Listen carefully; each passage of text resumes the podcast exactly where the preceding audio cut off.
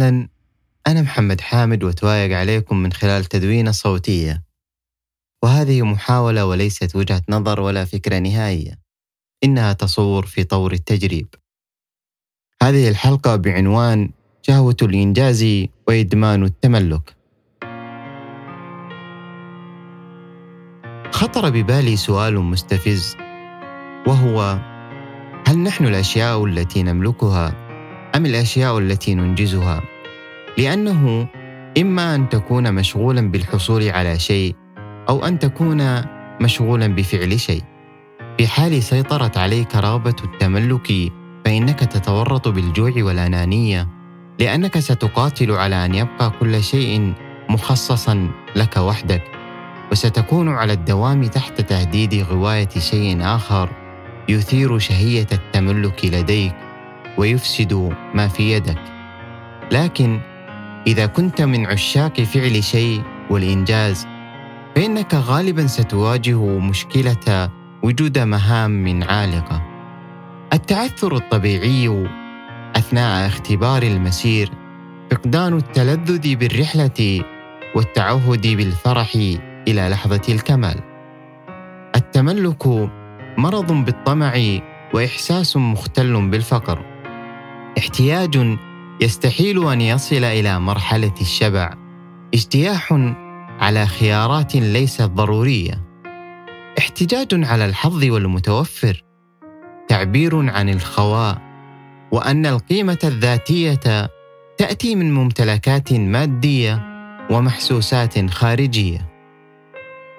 الإنجاز لعنة مستعرة هدر للطاقة خلف سراب أهمية تحقيق شيء كل لحظة. استغناء عن التأمل والتعلم وتركيب نتيجة فريدة. اعتراض خفي للصبر والتمهل في سبيل تحقيق الخلاص وكأنما الأمر مجرد إنهاء مهمة وحسب. وبأي طريقة؟ في منطقة ثالثة يمكن المزج بين التملك والإنجاز بوصفة بسيطة تتعلق بأن كل فعل سبب والحصول على الشيء هو النتيجة. الإنجاز دافع في حال كنت تفتقد إلى الرغبة، محفز في حال احتجت إلى مبرر، إشارة إذا أحببت أن تعثر على دليل. في الوقت نفسه يمكن استبدال الإنجاز بالتملك في هذه المعادلة.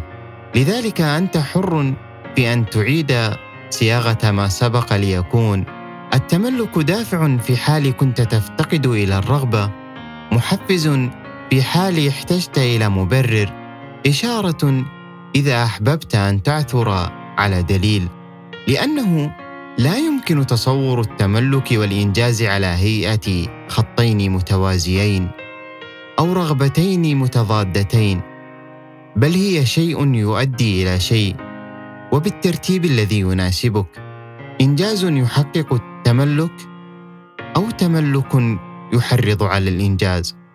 ولو أن الإنجاز مثل الوظيفة لكان التملك هو الراتب. ولو افترضنا أننا وضعنا مهمة لإنجازها والمكافاه ستكون الحصول على ساعة يد فإنه طوال فترة العمل وفي كل ساعة ينمو ارتباط بين هذه اللحظة والهدية المنتظرة. وعند إتمام الأمر والحصول على الساعة فإنها تمثل طريقة للتذكر وفرصة للتباهي.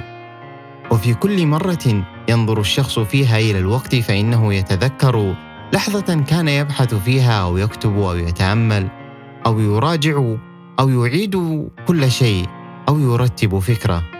في كل دقيقة ستصادف في ذاكرة كل شخص منا لحظة كنا فيها نمهد ونرتب لشيء، نتأهب لشيء، نستعيد شيئا. وبشكل أكثر وضوحا في حال أن التملك هو الهدية، فإن الإنجاز هو التحضير للهدية واختيارها وتغليفها وتوصيلها.